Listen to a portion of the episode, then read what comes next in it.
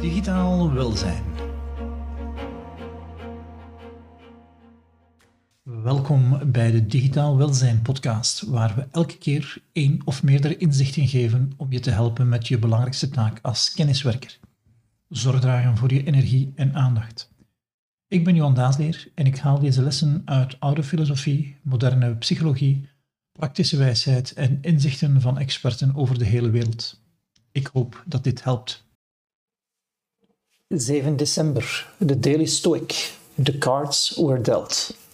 Think of life you have lived until now as over and, as a dead man, see what's left as a bonus and live it according to nature.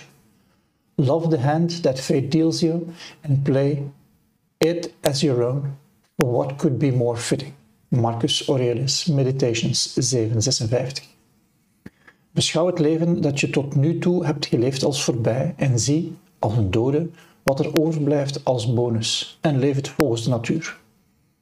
Heb de hand die het lot je schenkt lief en speel het als je eigen hand, want wat is er toepasselijker? Streef ernaar om alle tijd die je nog hebt te leven volgens de natuur. Meewerken met onze natuur. Meewerken met onze natuur is een van de leidende principes voor een heleboel dingen die ik doe. Het is de lens waarmee ik naar de dingen kijk. Wanneer er tips gegeven worden, zal ik me afvragen of dit met onze natuur mee is of tegen onze natuur.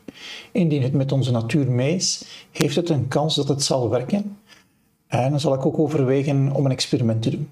Als het tegen onze natuur is, zal ik zelden het experiment aangaan. Wat heeft het digitale nu te maken met meewerken met onze natuur? In mijn hoofd twee dingen. Eén, digitale tools buiten onze natuur uit wanneer we de default niet aanpassen.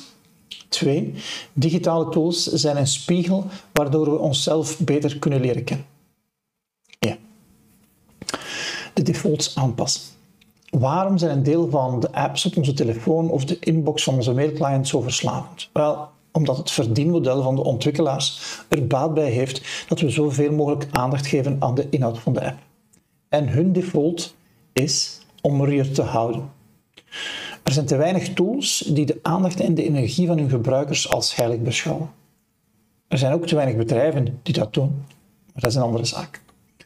Maar jij als gebruiker kan wel goed omgaan met je energie en aandacht. Het betekent dat het dan goed is om jezelf te kennen.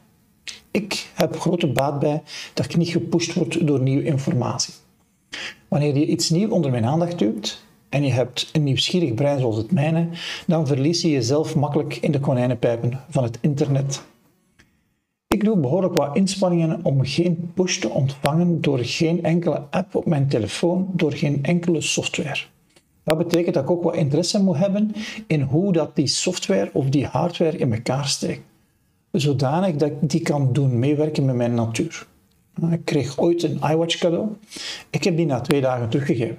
Ik zag de toegevoegde waarde niet, omdat ik dat toen niet meekreeg om die te laten werken met mijn natuur. Ik had ook nog geen ruimte toen om die zaken uit te zoeken. Nu is het misschien wel het moment om een iWatch aan te schaffen. Ik heb ten andere de iWatch Ultra op mijn incubatielijst gezet. Twee, Digitale tools versnellen de feedback die we nodig hebben om te leren. digitale tools leiden ons niet af, maar ze tonen ons dat we gemakkelijk af te leiden zijn. Dat is waarom dat we iets automatiseren, als dat miserie is, dat dat leidt tot geautomatiseerde miserie, dat de pijn groter wordt. Maar dat wil ook zeggen dat wanneer ik afgeleid word, dat iets mijn aandacht heeft genomen. Dat ik mijn aandacht kwijt was, dat ik heb losgelaten. En wanneer je alle externe triggers uitgeschakeld hebt, dan komt die een trigger van binnenin. Je was met iets bezig en zonder dat je er erg in hebt, word je naar je inbox gezogen. Geen enkel signaal dat er nieuwe input was, nee, ook niet het cijferje op je inbox. Maar welk fysiek, emotioneel of mentale trigger heeft er dan voor gezorgd dat je je prioriteit losliet en je tijd vulde met andere zaken? Daar bewust van worden noem ik mezelf beter leren kennen mijn blackbox een beetje beter leren kennen, zodat ik meer kan meewerken met mijn natuur. En dat ik de tijd die nog mijn resten kan vullen met zaken die ik belangrijk vind, die mijn leven en dat van de mensen rondom mij beter maken. Ik spreek je waarschijnlijk morgen.